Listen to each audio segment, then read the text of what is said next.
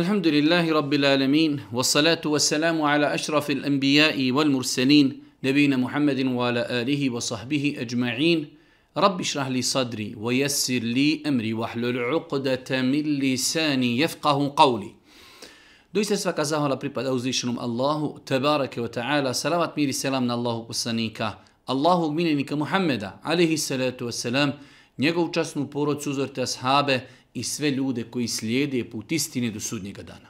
Uvažena braćo i poštovani sestre, uvaženi gledatelji, evo nas napokon u još jednoj novoj emisiji u kojoj se družimo sa vašim dilemama i vašim pitanjima. Ovo je naša 61.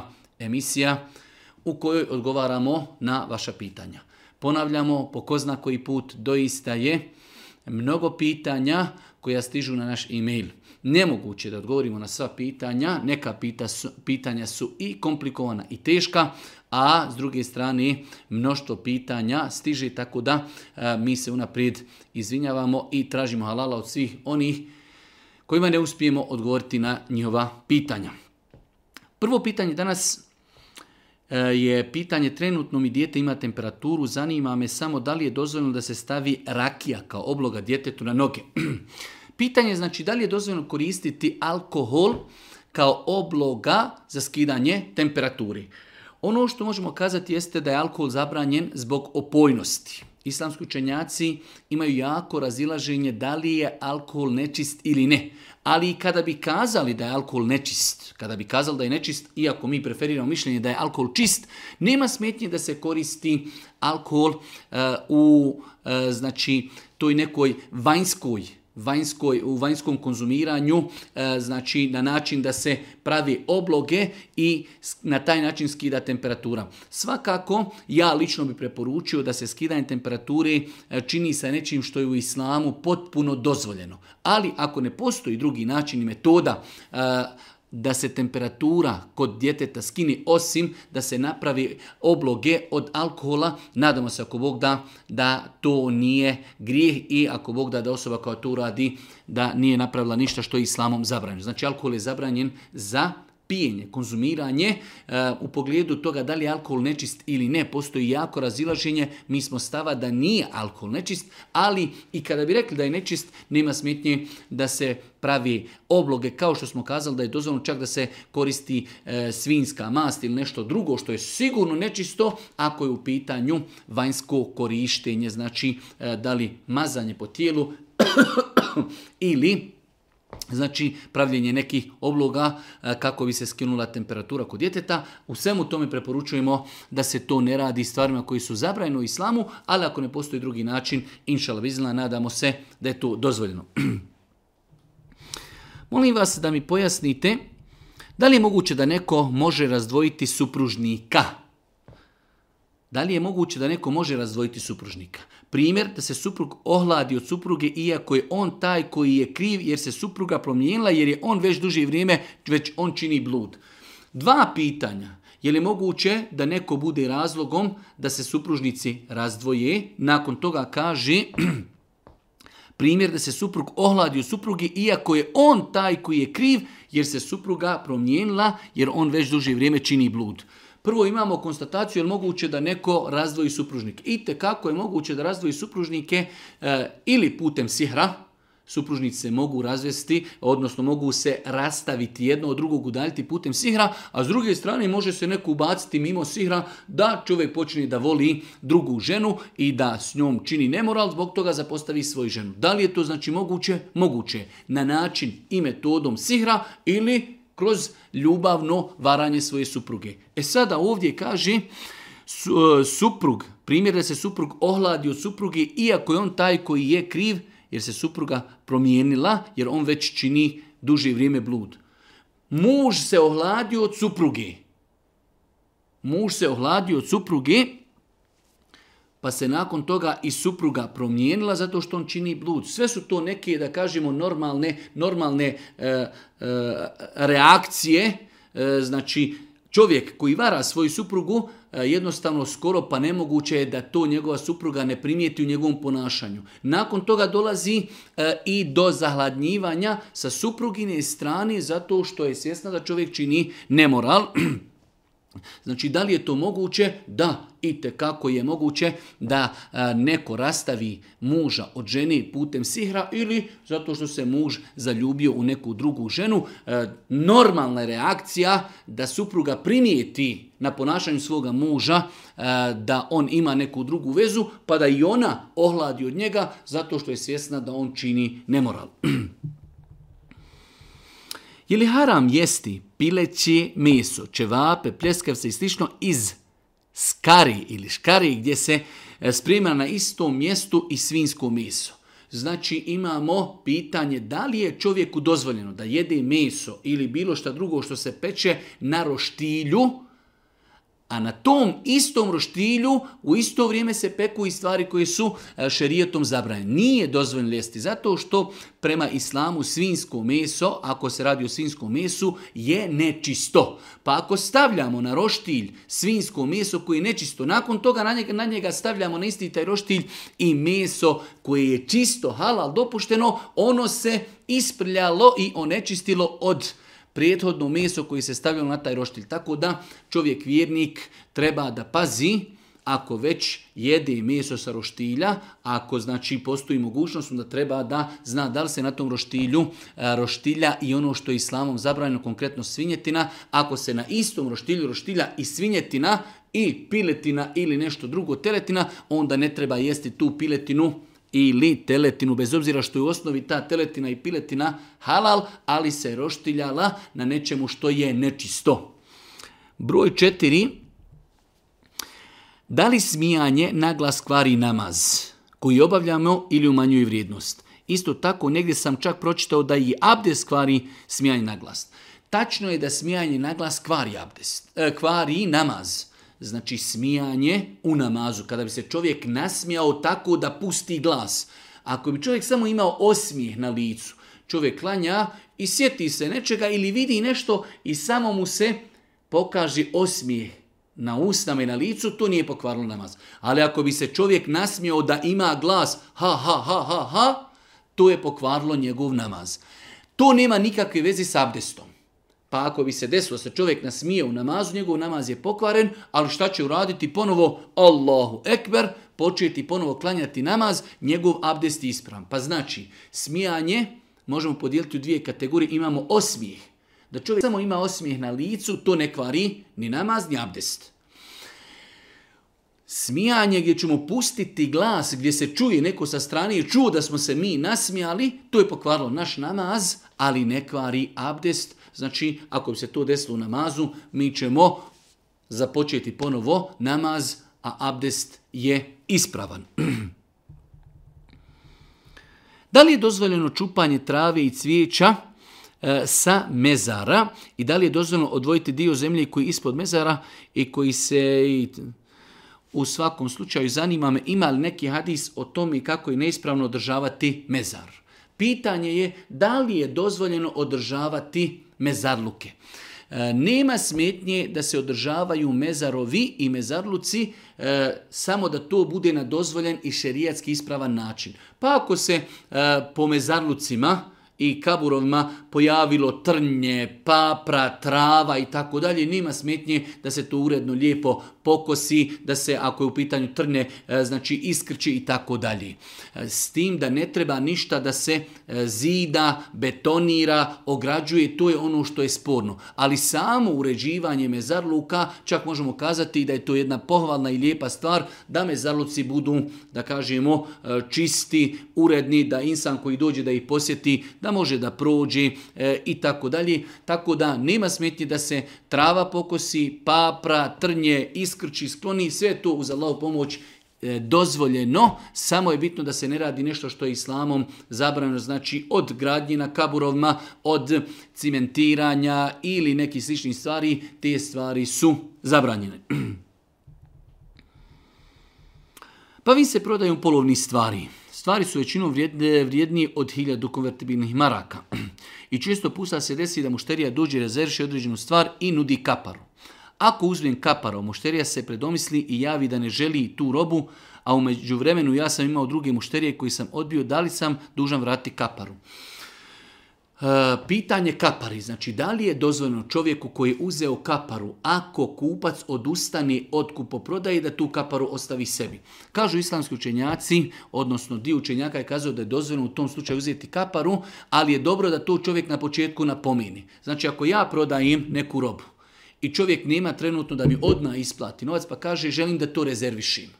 Nemaš pravo nikom i prodati. Ako je pitanju, rećemo, neka roba od 1000 maraka, on kaže, evo 50 maraka kapari. Kao rezervacija, da nećeš nikom i prodati, a treba vam sutra preko ću ti donijeti ostatak novca. Dobro je da kupac tada kaže, odnosno da vlasnik robe kaže kupcu, u redu, prihvatam kaparu i ja vam rezervišim robu, neću i nikom i prodati. Ali ako se vi predomislite, dan, dva, ne donesete novac u vremenu koji smo mi definisali, kapara ostaje meni. E, islamski učenjaci, od kojih je šehe Husejmin e, i mnogi drugi islamski učenjaci, smatrali su da nema smetnje da čovjek po takvim uvjetima uzme kaparu sebi, ako je kupac odustao od kupovine i ako mu je to spomenuo prilikom kupoprodajnog ugovora. Znači šta je kapara? Kapara je novac kojeg mi plaćamo da bi rezervisali određenu robu. Ako odustanemo od kupoprodaje, vlasnik robe ima pravo da zadrži sebi e, tu kaparu, ali je dobro da to vlasnik robe kaže prilikom kupoprodajnog ugovora, da kaže vidi ja ću ti rezervisati ovu robu, ali ako ne isplatiš ostatak do vremena kada smo se dogovorili ili ako odustaneš od kupoprodaje, kapara ostaje meni. Nadamo se inšala biznillah da u tome nema ništa šerijetski sporno. Postoje određeni hadisi u kojima se navodi da Allah poslanik zabranio uzimanje kapari, ali ti hadisi nisu vjerodostojni. Ovo govorim iz razloga što možda nekada neko negdje i pročita neki hadis pa kaže evo, Čuli smo odgovor da se može kapar uzeti, evo postoji hadis da je to zabranjeno, hadisi na tu temu nisu vjerodostojni. kako da se riješim sihra i da li sihr može zastariti kako kažu moji bližnji. Kako da se riješimo sihra? E, rješavanje, e, rješavanje sihra biva na način da čovjek e, da mu se uči rukja, to je najbolji i naj, da kažemo kvalitetniji, jednostavniji način rješavanje sihra, ali isto tako redovno učenje zikra, jutarnjeg, večernjeg, e, redovno obavljanje namaza, učenje Kur'ana, dova Allahu te barakatala, učenje je sebi, dopuštanje da nama neko drugi prouči rukiju, sve su to ispravni načini i metode kako čovjek može da se riješi sihra. E sada, da li sihr može da zastari? Nedefinisano pitanje, e, generalno je poznata teorija da sihr, što ako je napravljen čovjeku što više vremena prolazi, da je taj sihr teži teži skidati i teži rješavati. Da li je ta teorija tačna ili ne, doista ne znam, a da li može zastariti, pitanje je poprilično nejasno. Šta znači zastariti? Da li u smislu ako zastari da ga je teže skidati, što je opće poznato neko, da kažemo, pravilo koje e, se neprestano spominje kod ljudi koji uče e, rukju, ili zastariti kao da izlapi i nestane, Allah najbolje zna znači šta je bilo ovdje e, cilj osobi koja je postavila ovo pitanje, ali generalno kako se riješiti sihra znači učenjem rukije, da sami sebi učimo rukiju, da nam neko drugi uči rukiju, e, učenjem zikra jutarnjeg, večernjeg, učenjem Kur'ana, obavljanjem redovno namaza, dovom Allahu te da nas sačuva i zaštiti. Da li ispravno učiti Fatihu, Fatihu dovu umrlima? Jer ovdje i e, hođe, e, to praktikuju i na nišanu piše El Fatiha. Generalno, onako kako naš narod uči Fatihu u svakoj situaciji El Fatiha, El Fatiha, El Fatiha, e, takav postupak je novotarija. E, šta je ispravno kada bi čovjek uzeo da prouči Fatihu i kaže Alhamdulillah Rabbil Alamin, prouči tu i kaže nagradu ovog učenja Fatihe ja poklanjam tom Megitu, inšala bi znala pošto smo rekli da je ispravno mišljenje da nema smetnji da se prouči da se prouči neki dio od Kur'ana i da se nagrada tog učenja pokloni tu Inšala bizna, ako bi tako insan proučio nešto od Kur'ana, u ovom slučaju Fatihu i nagradu toga poklonio svome Megitu, inšala to je ispravno. Ali ono što je kod našeg naroda rasprostranjeno, gdje god stanemo, gdje god eh, u toku, znači, dženazije desetine puta, el Fatiha, el Fatiha, el Fatiha, i ljudi ne znaju ni zašto uče, ni što uče, i tako dalje. Allah najbolje zna, takav postupak je neispravan. Kada klanjamo džumu namaz, pošto je to farz, kada predamo selam, je li, u tom, je li i u toj situaciji kažemo tri puta estakfirullah, estakfirullah. E, islamski učenjaci su kazali da je pohvalno i lijepo da čovjek kada završi klanjanje propisani farz namaza, da prvi zikr koji prouči bude tri puta estagfirullah, estagfirullah, estagfirullah. Svakako da to obuhvata i e, džumu namaz, pošto je džuma namaz jedan od Obavezni farz namaza. Tako da, znači čovjek kada klanja i džumu namaz, jer je džuma namaz obuhvaćena hadismu kojima se kaže da Boži poslanik kada bi klanjao obavezni farz namaz, da bi prvu stvar koju bi uradio eh, učio bi tri puta istighfar, estagfirullah, estagfirullah, estagfirullah, tako da osoba koja klanja džumu namaz, inšala nema nikakve smetnje, da nakon selama prvi zikr uči kojeg bude učio, bude istighfar tri puta. Da li se može klanjati opća fila poslije prvog ezana na džumi, pošto većina ljudi tada klanja? Znači, kod nas je zastupljena praksa da se prouči prvi ezan, nakon toga ljudi, kada uči se prvi ezan, kada nastupi vrijeme podni namaza, pa ljudi ustaju klanju četiri rekiata na file, nakon toga se uči drugi ezan, nakon toga počinje hudba. E, da li ima smetnje da se klanja ta na fila? Nema smetnje. Nema smetnje, pošto je to vrijeme u kojem je dozvoljeno klanjati na filu. S tim što se ta nafila klanja da je to opća nafila. Kao što smo došli u džamiju u 9, 10, 11 sati, klanjali smo opću na filu, isto i tada je dozvoljeno klanjati opću na filu, ali ne sa uvjerenjem da su to neki posebni sunneti vezani za džumu namaz ili nešto slično mi, Znači nema smetnji da čovjek s vremena na vrijeme to klanja, ali isto tako Lijepo je to ponekada izostaviti kako ljudi ne bi shvatili kao što je to nažalost kod nas svačeno da je to nešto što je obaveza mora se klanjati četiri rekiata nakon što se uči prvi ezan. Ponekada to treba izostaviti, nekada klanjati dva rekiata, nekada četiri rekiata. Nema smetniša da se klanja zato što je to period zato što je to period znači u kojem je dozvoljeno klanjati na filu. Nama samo je bitno da to bude s uvjerenjem da je to opća na fila, a ne na fila kao posebni sunneti prije džume namaza. Na telefonu imam aplikaciju Kur'ana. Interesuje me da li mi je isti seva pa kućim iz Kur'ana ili ako učim s aplikacije. Allah najbolje zna, ne vidim eh, zašto bi bila razlika ako učimo mi Kur'an sa aplikacije na mobitelu ako držimo mushaf u rukama. Pojenta je onome što mi izgovaramo. Boži poslanik je kazao ko prouči harf ima dobro djelo, a svako dobro djelo se nagrađuje desetorostruko, pa kaže Allah poslanik, ja ne kažem elif, la, mim, da je jedan harf, već je elif harf, lam je harf, mim je harf. Pa je Allah poslanik vezivao nagradu za izgovor nije vezivao da li smo mi učili na pamet, da li učimo iz mushafa, da li učimo samobitela. Tako da nadam se e, da je nagrada inšala ista, čak šta više čovjek kada bi e, da kažemo, zanemario učenje Kur'ana u današnje vrijeme samobitela, e, time bi Eh, ostavio jednu veliku prazninu u čovjekom životu. Čovjek u današnje vrijeme sedi negdje u čekaonici, u autu ili ne znam bilo gdje drugo, otvori mobitel, aplikaciju uči Kur'an. A možda ne bi uvijek mogao imati sasov mushaf. Pogotovo prema mišljenju učenjaka koji kažu da je obaveza imati abdest prilikom doticanja mushafa za razliku od aplikacije i mobitela gdje ne treba da imamo abdest, otvorimo aplikaciju, učimo Kur'an. Tako da rezime ovog našeg odgovora je, nadamo se da je ista nagrada učenja Kur'ana, bez obzira da li učili Kur'an putem aplikacije u mobitelu, laptopa, kompjutera ili iz mushafa.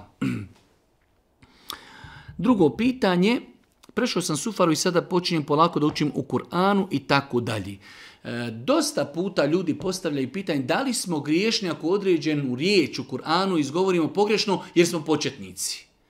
Kako će biti čovjek griješan, e, odnosno kako se podučiti Kur'anu, a da ne pogriješimo. Nemoguće, ne postoji mogućnost nikako da čovjek nauči učiti Kur'an da nikada nije pogriješio. Kao što svaka druga stvar pisanje, čitanje, voženje auta, bilo šta drugo u početku čovjek mora praviti greške. Tako i učenje Kur'ana svakako čovjek kada se podučava greške koje radiju nisu namjerne. Tako da inšala biznila ne treba se time opterećavati. Imamo muallima ili efendiju ili muhafiza koji nas popravlja. Mi kada reknemo neispravno, on nam kaže kako je ispravno, mi to popravimo, idemo dalje, a ona naša greška nije bila namjerna, već je bila nenamjerna i zbog toga čovjek nije griješan. Nemoguće je podučiti se učenju Kur'ana da čovjek nikada ne napravi grešku, tako da ne treba se opterećavati time. Svi smo mi prošli kroz taj neki period sufara, pa mucanje, pa greš, greške, greške, uvezivanje, uvezivanje, popravljanje, dok čovjek dođe na neki level da uči, znači inšalabizna bez grešaka. Pitanje broj 13. Da li je dozvoljeno lov životinja čije meso je haram za jesti u svrhu pripariranja? Islamski učenjaci su kazali kada je u pitanju lov generalno ili ubijanje život, bolje ovako kazati, ubijati životinje je dopušteno ako ubijamo životinju zbog njenog jela ili ako životinja se ubija zato što šteti ili, e, ajde da kažemo, ezijeti insana. U protivnom životinje ne treba ubijati. Tako da e, ubiti životinju koja nije jestiva, Znači nismo ju ubili zbog jela, niti nas ezijeti, mi ubijamo samo zbog toga e, da bi, da bi je neko, znači da bi se nekome priparirala, je postupak kojeg musliman ne bi trebao da radi. Je postupak kojeg ne bi trebao musliman da radi. Znači islamski učenjaci kažu kad su u pitanju životinje, životinje se mogu ubijati ako je njihovo meso jestivo, pa da čovjek jede njihovo meso, ili ako ima potreba da se određena životinja ubije zato što može uznemiravati, e, znači ili ezijetiti insana. Pitanje broj 14 jest ako popijemo nešto od pića ili hrani, a pod abdestom smo, da li moramo ispirati e, usta da bismo klanjali? Ono što je došlo jeste u vjerodostinu hadisima da je Allah poslanik ali se letu selam preporučio ispiranje usta prilikom konzumiranja mlijeka ali to nema nikakve veze sa namazom. Tako da čovjek koji je konzumirao neku hranu ili neko piće, neki sok, a pod s je, on nakon toga može, može početi klanjati, osim s jednog drugog aspekta, ako se boji da mu je u ustima e, ili između zuba ostalo hranije, pa je lijepo da e, operi usta ili popije vode kako u namazu jednostavno ne bi imao ove svese i došaptavanja, aha, pronašao je jezikom između zuba određenu e, znači e, komadić hrane, sada da li da ga proguta, da li da ga ispline i tako dalje. U tom kontekstu znači nema smetnje i lijepo je da čovjek nakon konzumiranja hrani e, operi usta kako ne bi dozvolio šetanu da ima vesese i došaptavanje u namazu, jer će se definitivno desiti da u namazu otkrije, znači i kroz pljuvačku i jezikom određene ostatke hrani iza zuba u toku namaza, pa je lijepo nakon konzumira hranje i za, oprati usta, ali to nema nikakve veze sa validnošću namaza, niti sa validnošću abdesta.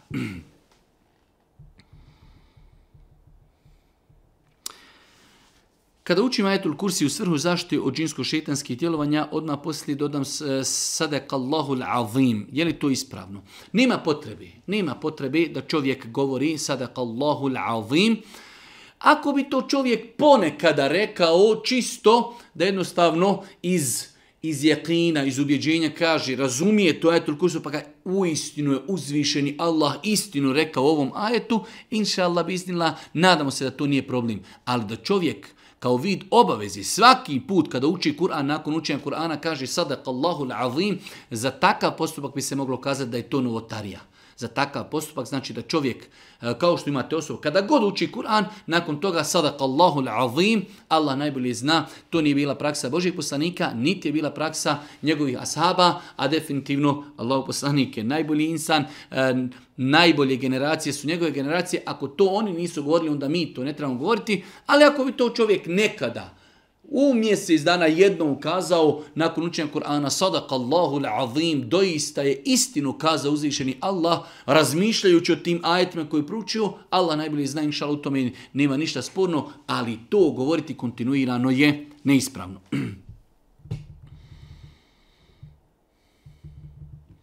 Imam 14 godina, odvikao sam se od svih loših navika. E,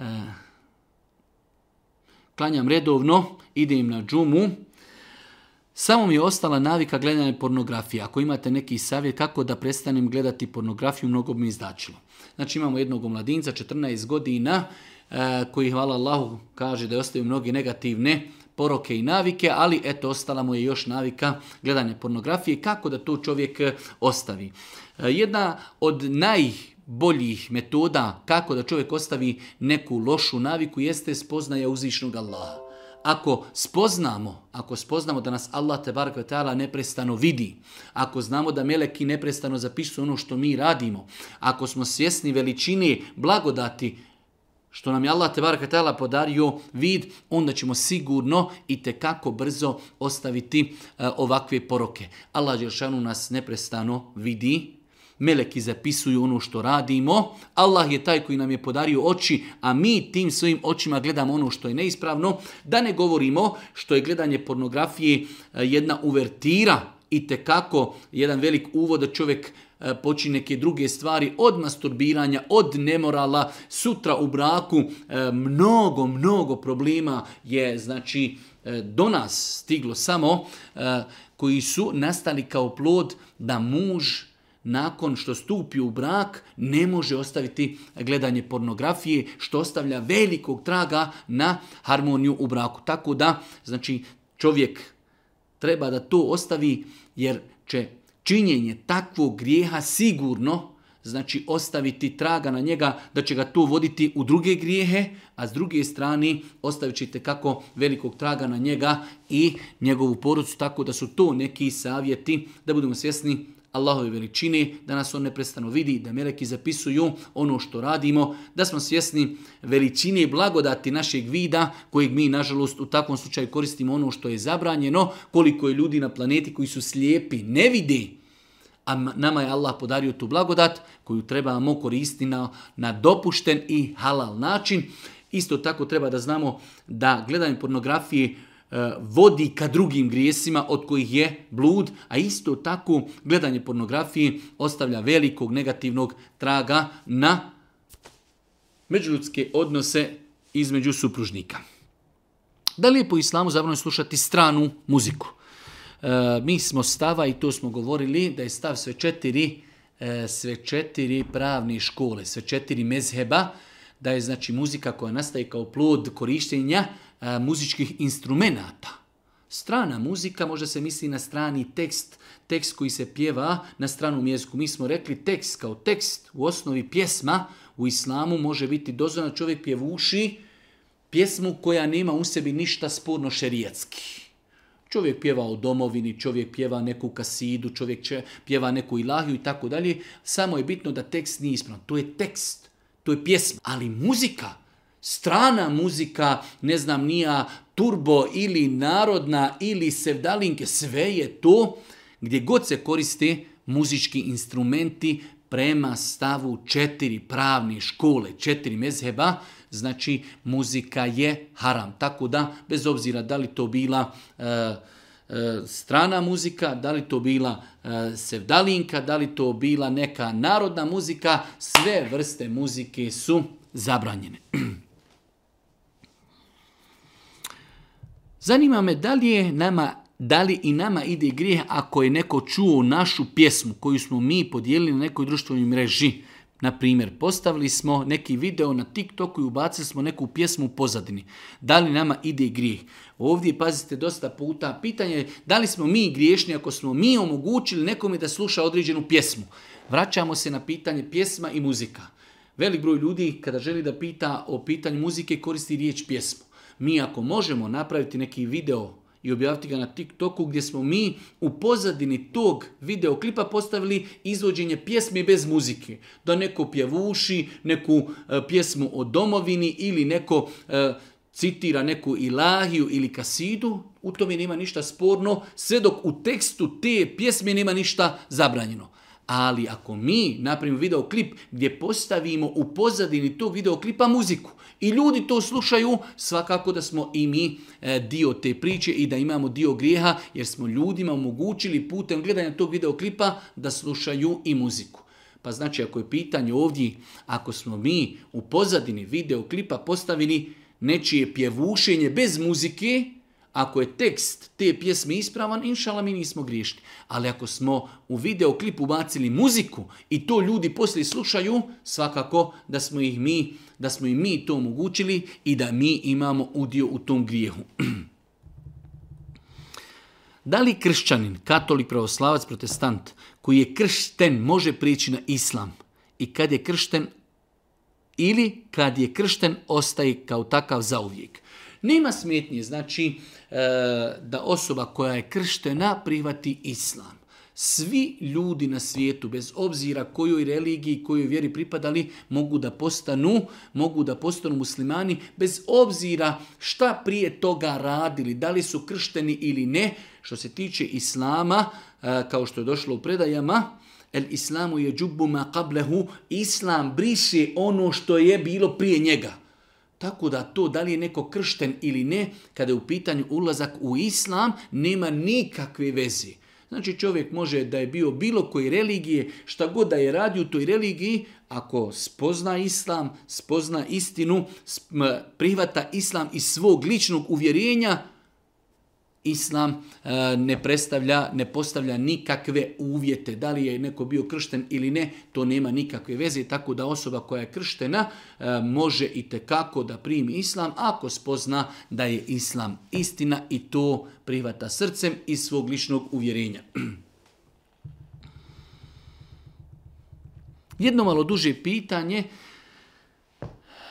mjesec dana je ostalo do polaska u školu, nekad ću biti među smjena i tako dalje. Jedno duže, duže pitanje jednog naših srednjoškolca koji e, već unaprijed se brine i sekira, pošto će sada biti u nekoj međusmjeni. Prija kada je išao u prvu smjenu, mogao je kada dođe kući klanjati, znači došao bi kući prije nego što završi podni namaz, pa bi kod kuće klanjao podni, nakon toga i kindiju. E sada, već znači mjesec dana ranije se boji kako će klanjati podni namaz u školi. Glavni njegov je problem šta će i kako će reagirati učenici iz njegovog razreda ako saznaju da on klanja, kao oni će njega zbog toga ismijavati. Prva stvar, čovjek može klanjati, a da njegovi školski prijatelji to i ne znaju. Ne mora čovjek, znači, jer je tako postavljeno pitanje, ako bi klanjao učenik u razredu, E, kao njega bi djeca zbog toga ismijavala. Ne mora učenik obavljati namaz u svome razredu.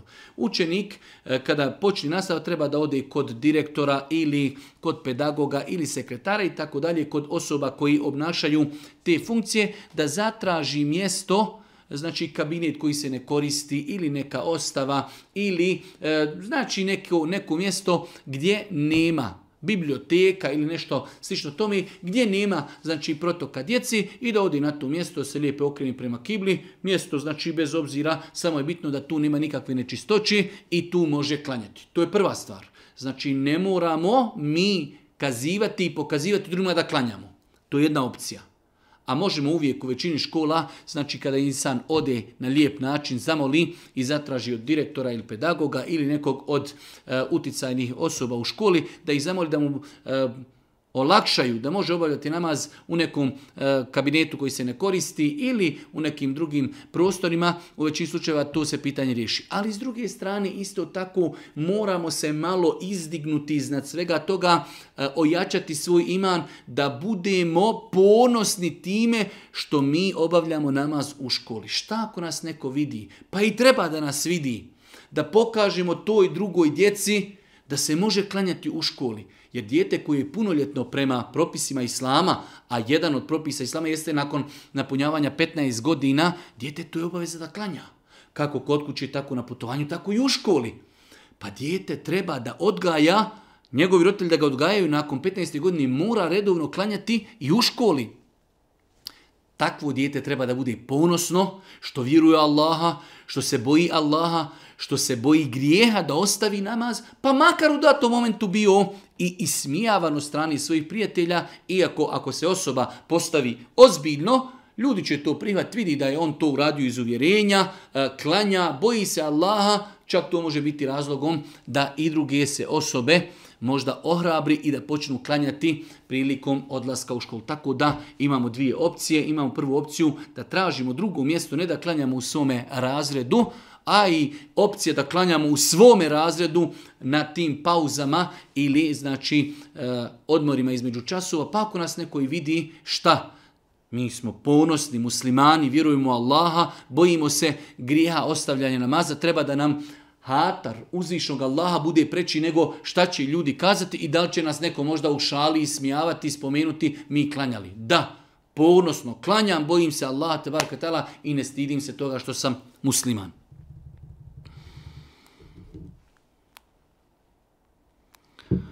Da li se smatra putovanje odlazak u Bosnu kod roditelja 15 dana preko odmora? Eh, više puta smo odgovorili na ovakva pitanja, ali pošto je ovo vrijeme odmora, nema smjetniša da se određena pitanja ponovo odgovori, čisto zbog veće koristi. Mi smo kazali osobe koje iz dijaspori dolazi u Bosnu ili u Makedoniju ili u Srbiju ili Crnu Goru ili bilo gdje drugo, mogu biti u jednoj od dvije situacije. Ako u Bosni ili u mjestu gdje dolaze imaju svoju kuću, imaju svoje prebivalište, oni su onda samo musafiri tokom putovanja do svoga grada ako dolazi nekom i u goste, nemaju svoju kuću, već jednostavno dolazi kod roditelja, bit će malo kod Amidži, malo, e, ne znam, nija na izlet i tako obilazit će Bosnu. Tada su oni cijelo vrijeme dok se ne vrate na svoju adresu odakle su krenuli iz Europe ili Amerike ili e, neki drugi država, oni su cijelo vrijeme musafiri, imaju pravo da spajaju i skraćuju namaze kao musafiri. Znači pojenta je da li mi idemo na svoju adresu i na svoje mjesto boravka, imamo li svoju kuću. Ako idemo u goste, nekada se desi da čovjek ide i kod svojih roditelja u goste. Nema svoje kuće, oženio je se i otišao je, otišao je znači živjeti negdje u Njemačku, u Francusku, dolazi kod svojih roditelja, nema on svoju sobu, nema on svoju kuću, dolazi kod njih u goste, tokom boravka kod svojih roditelja on je musafir. Za razliku od čovjeka koji ima svoj sprat i ima svoju kuću, tada on prestaje biti musafir dolaskom u grad u kojem se nalazi njegova kuća. Supruga i ja planiramo dati ime djetetu Isa i tako dalje. Pitanje da li muslimani mogu davati svome djetetu ime Isa. I te kako, nema ništa sporno, čak šta više. Znači, postoje određeni predaje u kojima stoji da je e, pohvalno i lijepo na, e, davati djeci imena poslanika. Isa, ali se letu, selam je jedan od posebno odabranih poslanika kod uzvišnog Allaha te barakatara, tako da nema nikakve smetnje da čovjek, vjernik, musliman, svome djetetu nadjene i da ime Isa.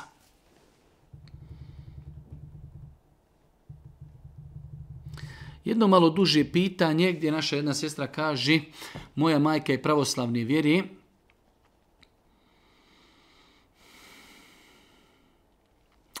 eee četiri godine ima kako je znači žena primila islam kako se vratila kod svoje majke, bila u inostranstvu, njena majka se prema njoj ophodi loše zato što je primila vjeru i on, primila vjeru islam i onda tu dolazi e, do tih, ajde da kažemo nejasnoća, kako se ophoditi prema nekome ko nas pocira, vrijeđa, a s druge strane imamo mi prema njemu obaveze. Velik broj ljudi ne razumije pitanja dobročinstvo roditeljima, ali isto tako e, ne smijemo dozvoliti da nas neko provocira ili da nas neko mantletira ili da nas neko vrijeđa vrijeđa, a on pod plaštem, e, ja sam tvoj otac, ja sam tvoja majka, ne smiješ biti nepokoran i tako dalje. Jedno je pokornost u dobročinstvu, jedno i, i, i potpuno drugačija situacija da dozvolimo da nas neko vrijeđa, da nas matletira, da nas neko proziva i tako dalje. Tako da te stvari treba ljudima jasno dati do znanja prihvatio sam islam iz uvjerenja. Tako je došlo čak u ovom pitanju, volim Allaha, volim e, islam, volim vjeru, možete shvatiti da, vi ste moji roditelji i ja ću vam činiti dobročinstvo u granicama svoje mogućnosti. Ali isto tako, neću dozvoliti da me psujete, da me vrijeđate, da me maltletirate. Ako se budete tako obhodili prema meni i ja ću se udaljiti od vas, sa dozom činjenja dobročinstva prema vama, ali nikome ne dopustiti bez obzira ko da bude, makar to bili roditelji, da nas neko proziva, da nas psuje, da nas vrijeđa, da nas maltletira, da nas proziva zašto si primio vjeru i tako dalje. Takve stvari znači ne treba dozvoliti nikome, a mi svoj dio obavezi dobročinstva činimo prema svojim roditeljima.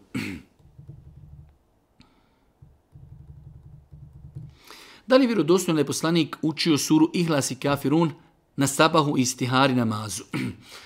Koliko mi je poznato da postoji predaj da je Boži poslanik učio suru El Ihlas, kul huvallahu ahad i suru kul, kul, kul, kul ja, kul ja kafirun, da je učio na sabahskom, sabah, sabahskim sunnetima. Znači Boži poslanik zabilježen da je na prvom rekiatu učio kul ja ejuhel kafirun, na drugom kul, ja, kul huvallahu ahad. To je na sunnetima. Nije mi poznato da postoje hadisi koji ukazuju na to da je Boži poslanik ove suri učio na farzima. Znači Boži poslanik je učio kulija i kulhu vallah na sabasku, sabaskim sunnetima. Isto tako nije mi poznato postoje hadisi da je Boži poslanik ove dvije sure učio na istihari. Bez obzira i kada je u pitanju sabaskih sunneti, Znači, maksimalno što možemo kazati jeste da je to pohvalno. Tako da čovjek kada klanja sabahske sunnete, kada bi učio bilo koju drugu suru, njegovi sabahski sunneti su ispravni. Isto tako istihara namaz, e, znači e, ne postoji, Allah najbolje zna argumenti koji ukazuju da je Boži poslanik na istihari namazu učio na prvom rekiatu kulija, na drugom e, kulhu Allahu ahad. Ali mi to možemo učiti, a i ne moramo, a možemo učiti i bilo koju drugu suru. Tako da, znači, rezime odgovora, da Boži poslanik zabilježeno i preneseno u vjerodostojnim hadisima, da je na sabavskim sunnetima na prvom rekiatu učio kulija, na drugom kul Nije mi poznato da je zabilježeno da je to učio na farzima i nije mi poznato da je to učio prilikom klanjanja istihari namaza, što znači možemo učiti na istihari namazu ove dvije sure, a možemo učiti i bilo koje druge sure. Isto tako na sabavskim sunnetima možemo učiti ove dvije sure, možemo učiti bilo koje druge sure.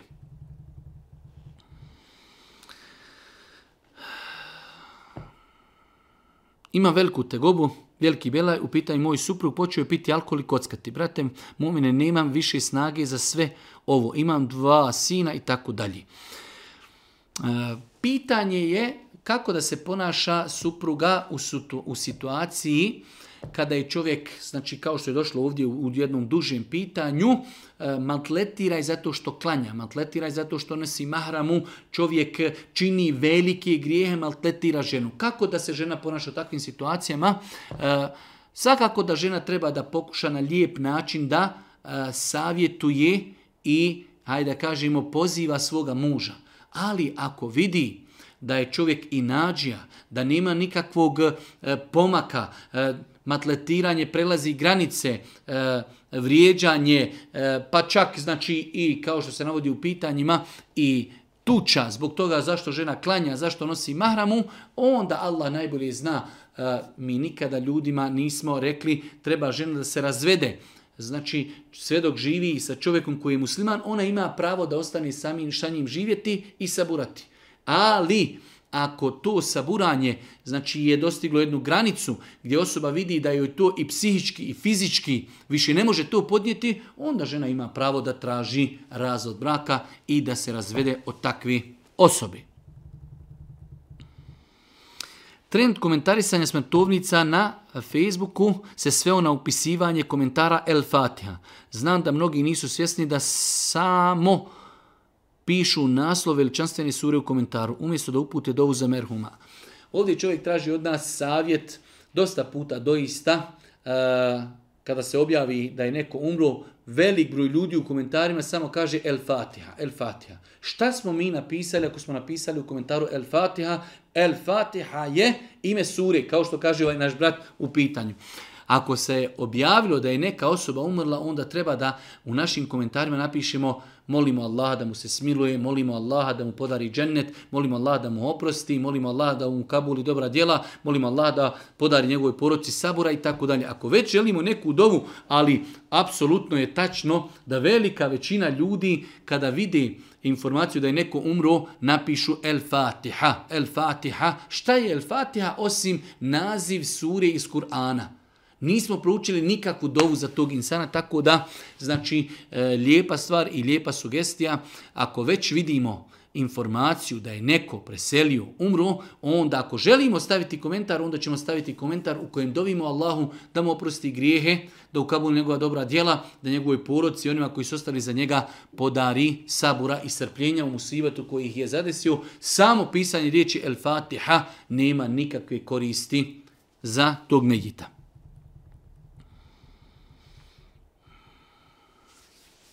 Imam situaciju da me roditelji tjeraju na nemoralno ponašanje. Svaki put kad bih poželjela da učim neki ibadet, nešto iz ljubavi i ponizu prema Allahu, oni bi primijetili i vikali na mene da to ne smijem i tako dalje. Jedno duže pitanje u kojem se jedna naša sestra žali na svoje roditelje da joj ne dozvoljavaju robovanje Allahu i činjenje ibadeta.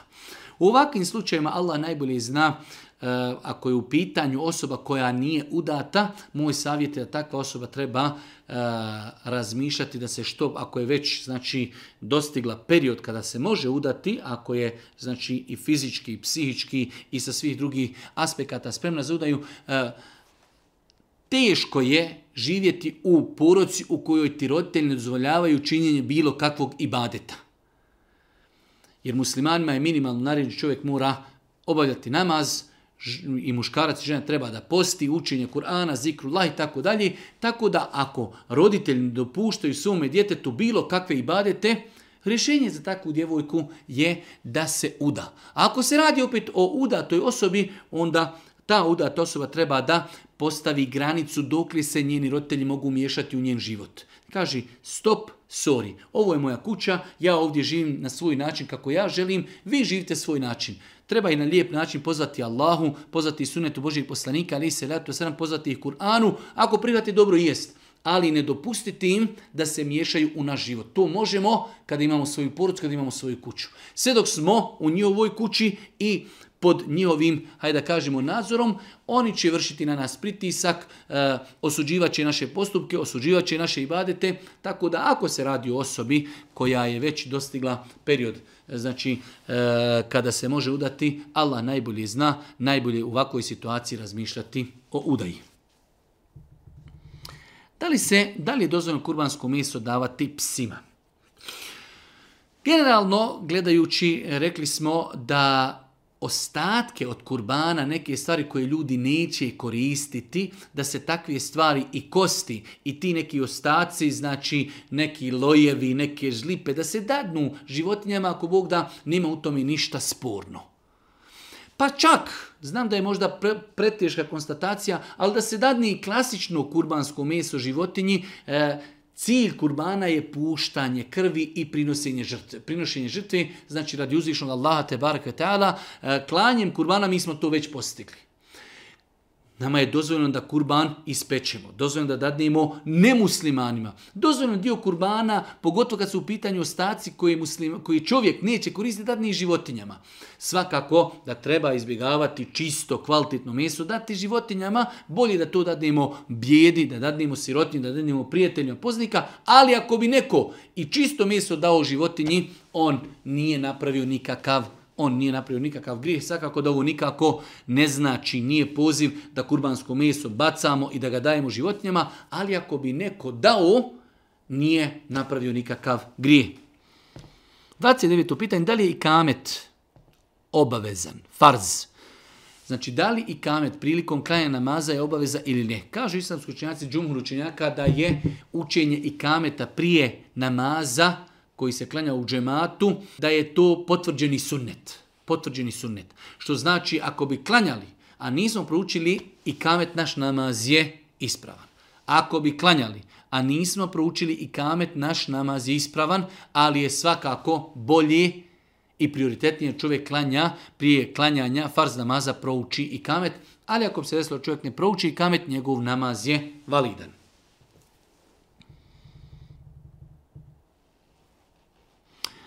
Vidim da stalno obrađujete aktuelne pitanja i teme, po mi bi bilo dobro da ljudima skrenete pažnju na ponašanje u džami korištenjem korištenje mobitela za vrijeme hudbe i neodgovornost pri e, popunjavanju safova.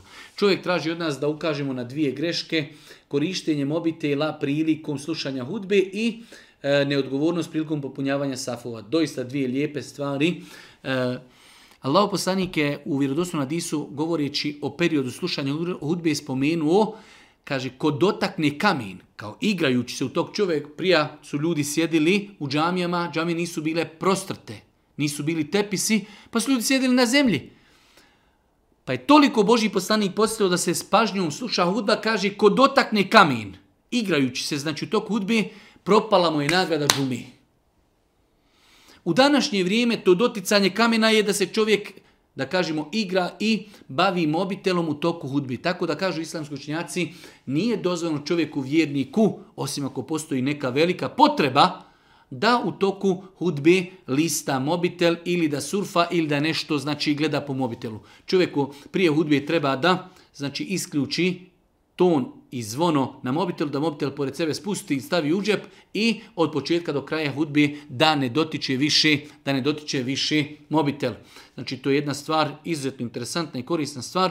Čovjek u toku hudbi ne treba znači da e, gleda u mobitel. Ne treba da gleda u mobitel, da surfa, da znači e, pretražuje određene stvari preko interneta, već treba da se posveti slušanju hudbi. Kako ne bi to bio razlog njegovog korištenja mobitela, gubljenje nagrade džume i hudbi. Druga stvar jeste da e,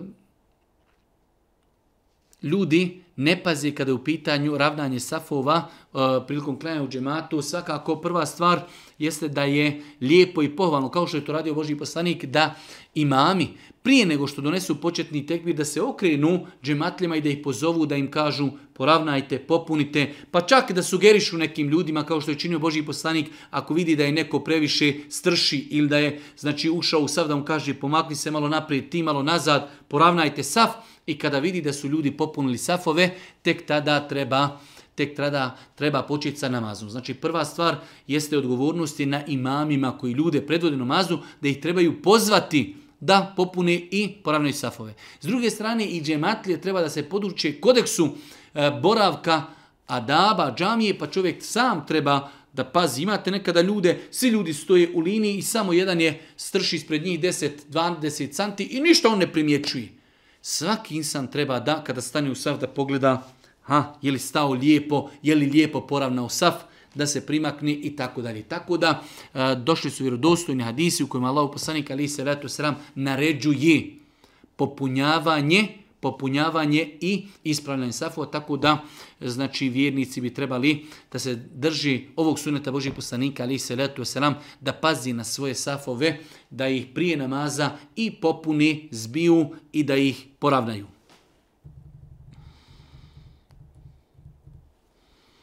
Htjela bi da vas pitam nešto u vezi prisilnih misli i glasova u glavi, kako da ih se riješim i tako dalje, dugo pitanje.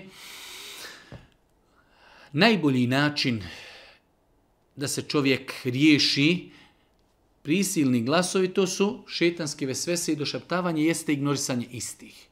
Ignorisanje istih, znači da čovjek jednostavno ignoriši da čovjek ignoriše šetano došaptavanje vesvese, s druge strane da se čovjek zaokupira određenim e, radnjama, ako mu počne šetan došaptavati da iziđe iz kuće, prošeta, trči, sport, žena da ode da nešto radi, da kuha i tako dalje, ali jednostavno samo da se ne prepušta razmišljanju.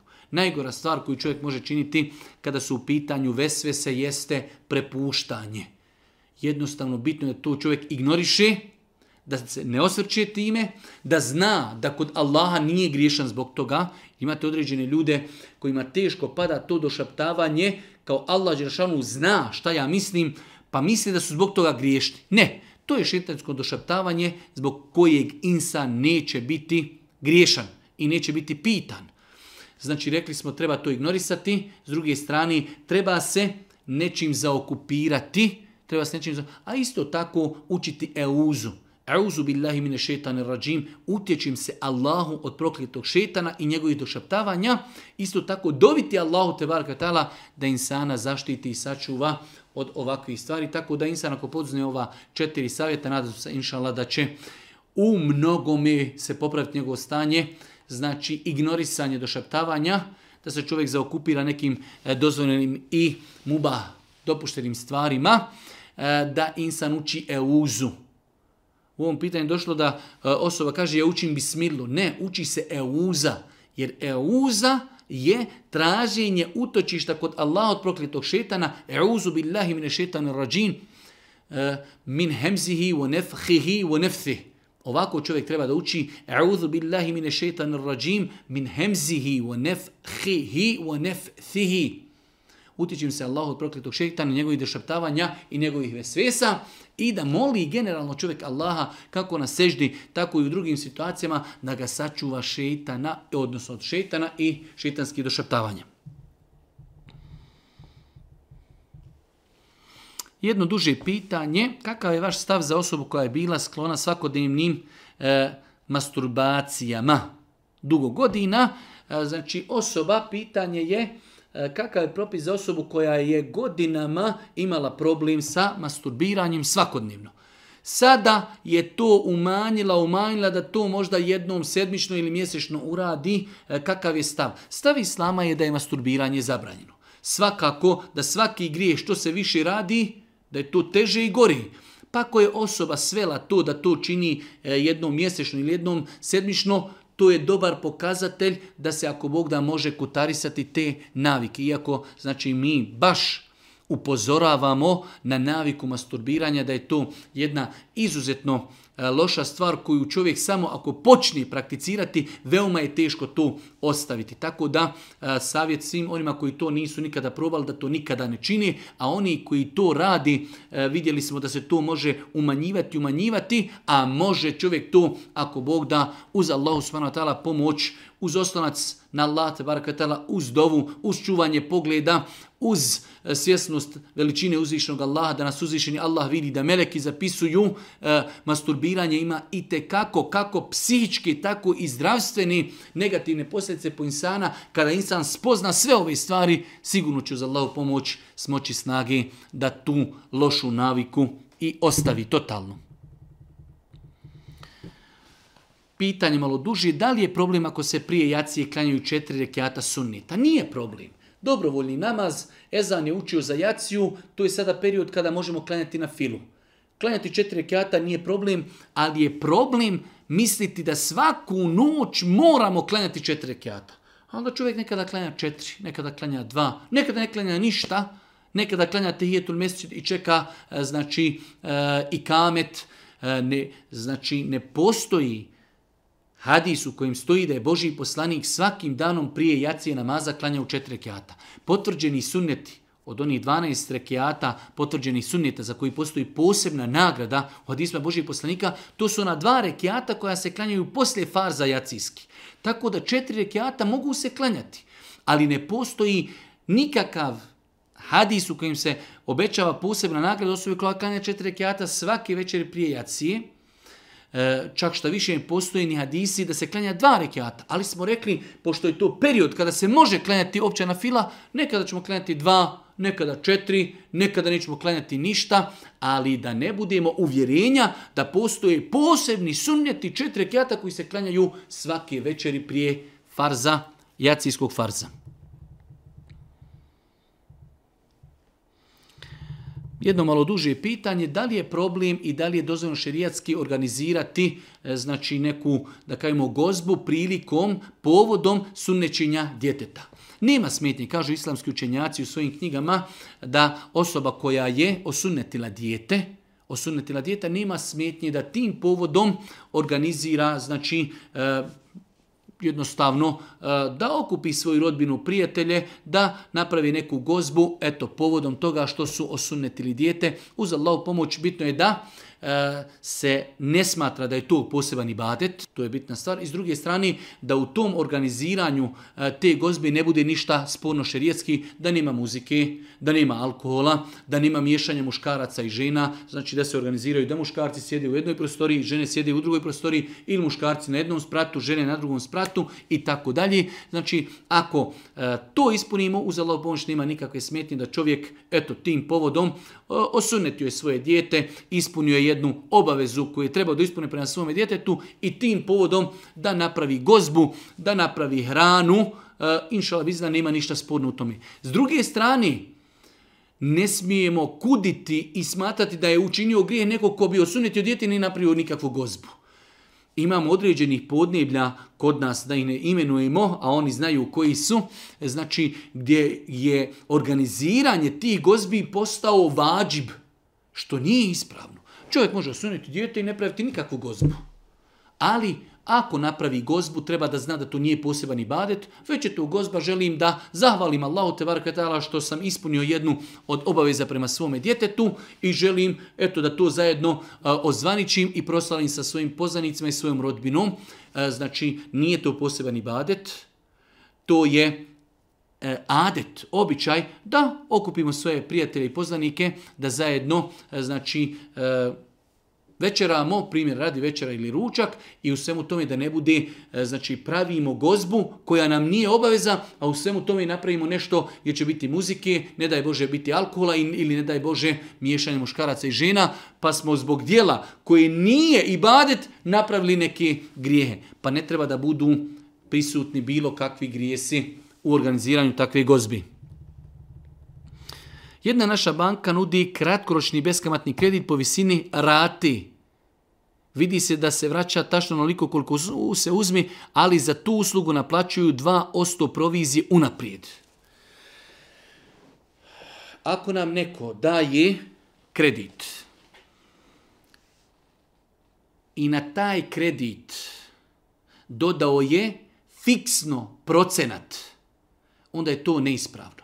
Ali ako kaži, e, bez obzira da li uzeli 5.000 ili 10.000 vi treba da pratite administrativne troškove 300 maraka. Tada je to dozvoljeno. Ti administrativni troškovi, ako se ne povećavaju i smanjuju sa povećavanjem ili smanjenjem kredita kojeg uzimamo, oni su dozvoljeni. Znači, ako vam neko kaže, želim da dadnem kamat, želim da dadnem kredit, ali uz taj kredit imaju neki administrativni troškovi. Naše pitanje, dobro, je li se ti administrativni troškovi povećavaju sa povećanjem svote ili smanjuju? Ako kaže povećavaju se sa povećanjem svote, onda je to kamata koju su oni nazvali drugim imenom. Šta je razlika u administraciji ako neko vodi evidenciju 10.000 i ako vodi 5.000? Ne, ljudi žele da kamatu da kamatu nazovu drugim imenima pa kažu administrativni troškovi. Ako su doista ti administrativni troškovi stvarni, onda oni ne treba da se povećavaju sa povećavanjem, sa povećavanjem svote novca koju uzmamo ili smanjenjem. Pa znači rješenje je ako neko uzima kredit i postoje administrativni troškovi, treba da pitamo da li ti administrativni troškovi se povećavaju sa povećavanjem, sa povećavanjem E, svote novca. Ako su to doista administrativni troškovi, stvarni administrativni troškovi, mi uzimamo 10.000 i 10.000 ćemo vratiti, ali u sve to 150 ili 10 maraka plaćamo administrativnih troškova, to je u redu. Ali ako kažu, ako uzmete 10.000, administrativni troškovi su 1.000, ali ako uzimate 20, onda su 2.000, onda je to kamata nazvana drugim imenom. Kako postupiti u slučaju kada ti prvi komšija musliman vrati kurban sa kojim nisi baš u dobrim odnosima, ali sam se nadao da ćemo se izmiriti. E, ne doliči čovjeku, vjerniku da vrati neči kurban. Bez obzira kakve svađe ili nesuglase bile među ljudima, ali ako je neko već poslao kurban, kurban je ibadet i neko nam poslao kurban, onda treba da uzmimo njegov kurban, a da li ćemo se mi izmiriti sa njim ili ne, to je nešto drugo ko je kriv ili ko ne, da li ćemo mi riješiti svoj e, problem razgovorom ili neko da se treći uključi pa da nas izmiri, to je druga stvar. Ali ne doliči čovjeku vjerniku, ne doliči čovjeku vjerniku da odbije nečiji kurban, osim doista ako se radi o situaciji kada čovjek čini nekom izulum, ne želi da se odrekne tog zulma još u svemu tome još ti pošalje kurban, znači tada možda ta reakcija može se shvatiti zašto neko odbija nečiji kurban. Odbijam ti kurban zato što jednostavno činiš mi zulum, činiš mi nepravdu, ukazujem ti na taj zulum, ukazujem ti na nepravdu, niti želiš tražiti halala, niti želiš da se odrekneš tog zulma i ti mi u svemu tome je poslao neki kurban. Hoću da kažem da i nekada ta reakcija tih ljudi Eh, neću reći da je ispravna, ali možemo i razumjeti. Možemo je, možemo je razumjeti. Da li je dozvoljno u kući držati komadiće drveta tisi? Je li to širk? Eh, prvo moramo znati i biti uvjereni da tisa kao drvo ne može čovjeka sačuvati ni zaštititi od bilo kakvog zla, niti mu može pribaviti kakvu korist niti tisa, niti bilo kakvo drugo drvo na planeti, niti bilo kakav talisman, niti bilo kakva hamailija. To je temelj kojeg moramo zacementirati i betonirati, niti nošenje oko sebe i na sebi ili u našoj kući tise ili bukve ili graba ili bilo kakvoj hamailije ili talismana ili konca ili nanama, nama ili u našoj kući ili na našoj djeci, niti nas može zaštititi od zla, niti nam može pribaviti korist. E sada, ostaje e, kakav je propis svega toga. Allahov je strogo zabranio i nazvao je vješanjem e, talismana na čovjeka širkom. Pa su kazali islamski učenjaci, osnova je da je to mali širk. Osnova je da čovjek ako okači nešto na sebe, da je to mali širk, smatra da ga čuva nešto zašto ne postoji vjerodostojan dokaz da koristi. Pa je to mali širk da čovjek smatra da ga čuva nešto i da mu koristi nešto zašto ne postoji dokaz u islamu da ga može čuvati. Pa je znači vješanje, hamajlija, talismana, drveta, končića na sebe, na kuću, na dijete s uvjerenjem da nas Allah posredstvom toga čuva, to je širk, neispravno. Ako bi vjerovali da nas ta stvar, ona lično čuva, onda je to veliki širk. Kada kažemo mali širk, da neko poslije, pa mali širk, nije to ništa sporno. Mali širk je nazvan malim širkom samo zato da bi se napravila razlika između velikog širka i malog, a mali širk je jedan od najvećih velikih grijeha u islamu jedno veliko upozorenje kada čitate negdje u knjigama ili na internetu pa kaže se to je dijelo malog širka.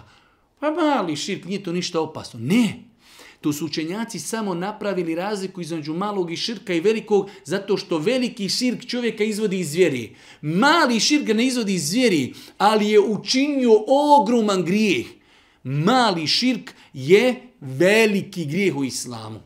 Pa znači, okačiti nešto na sebe s uvjerenjem da nas Allah čuva, zbog toga to je mali širk. Jer je to neispravo. Allah nas ne čuva zbog toga što smo kačili oko sebe tisovinu. Vjerovati da nas lično tisovina čuva, to je veliki širk. sa tim čovjek je izišao iz vjeri. Opasne stvari. Tako da, znači vraćamo se na odgovor, držati kuću, držati tisovinu u kući. Kad bi čovjek doista nekom donio onako tisovni ostavio u kuću bez ikakvih uvjerenja, inšala nije griješan. Ali znajući da većina ljudi tisom drži u kući iz uvjerenja, da ta tisa čuva čovjeka od zla i pribavlja mu dobro, to je neispravno i strogo zabranjeno.